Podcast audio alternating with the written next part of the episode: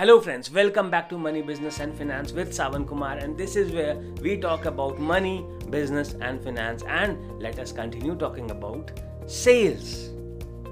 Have you heard people saying that I don't know sales? Or I don't like making sales? We come across a lot of salesmen, a lot of salespeople who might not be saying to us that they do not like making sales, but they keep saying this to themselves. They keep repeating this to themselves that they do not like sales.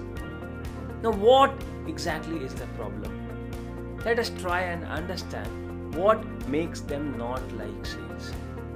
Nobody likes rejections. Nobody likes rejections. Nobody likes failures. And the people who do not like sales is because they think that they have been rejected a lot of times. They think that they have been they have failed a lot of times.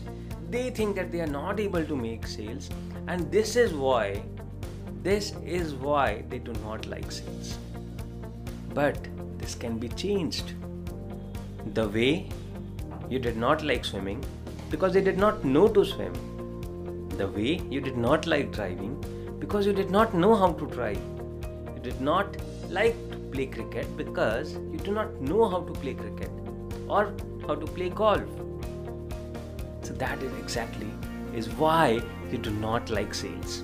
You do not like to make cold calls. You do not like to do follow-ups because you are afraid of failure. You are afraid of rejections.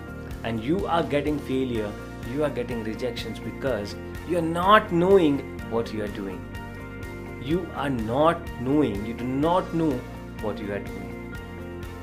You need to get trained. If you do not like sales, it is not because you do not like sales, but it is because you do not know sales. You do not know how to do sales. You do not know, or you have not, never been trained on becoming a salesman. You just fell into this career because you did not find anything else it just so happened that you took a job that involved sales and marketing and you just fell into this career.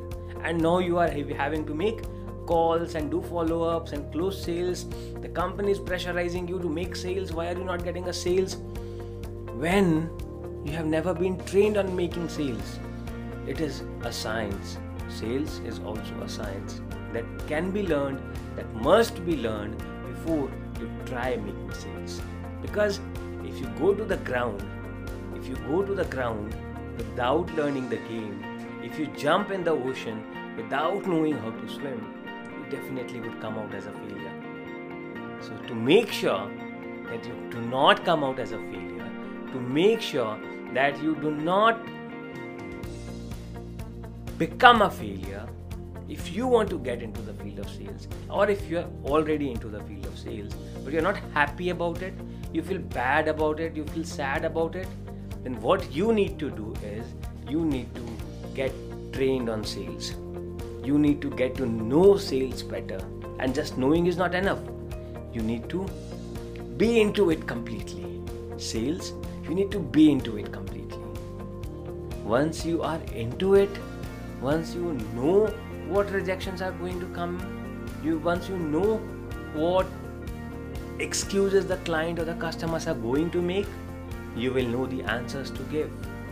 When I started my career, and uh, I did not know anything about sales, and I had to make, I started making cold calls, I started make, uh, sending emails, and I was like, I used to get frustrated like hell because I did not know how to cold, cold call, and I started making cold calls so, what I was getting back was rejection, which was very obvious. No matter how many calls I made, I always got rejection because I did not know my pitch. I did not know what to speak when I call. I did not know what would other how to respond to the other person when they throw to me an excuse or when they throw to me a rejection what should I do? How should I respond?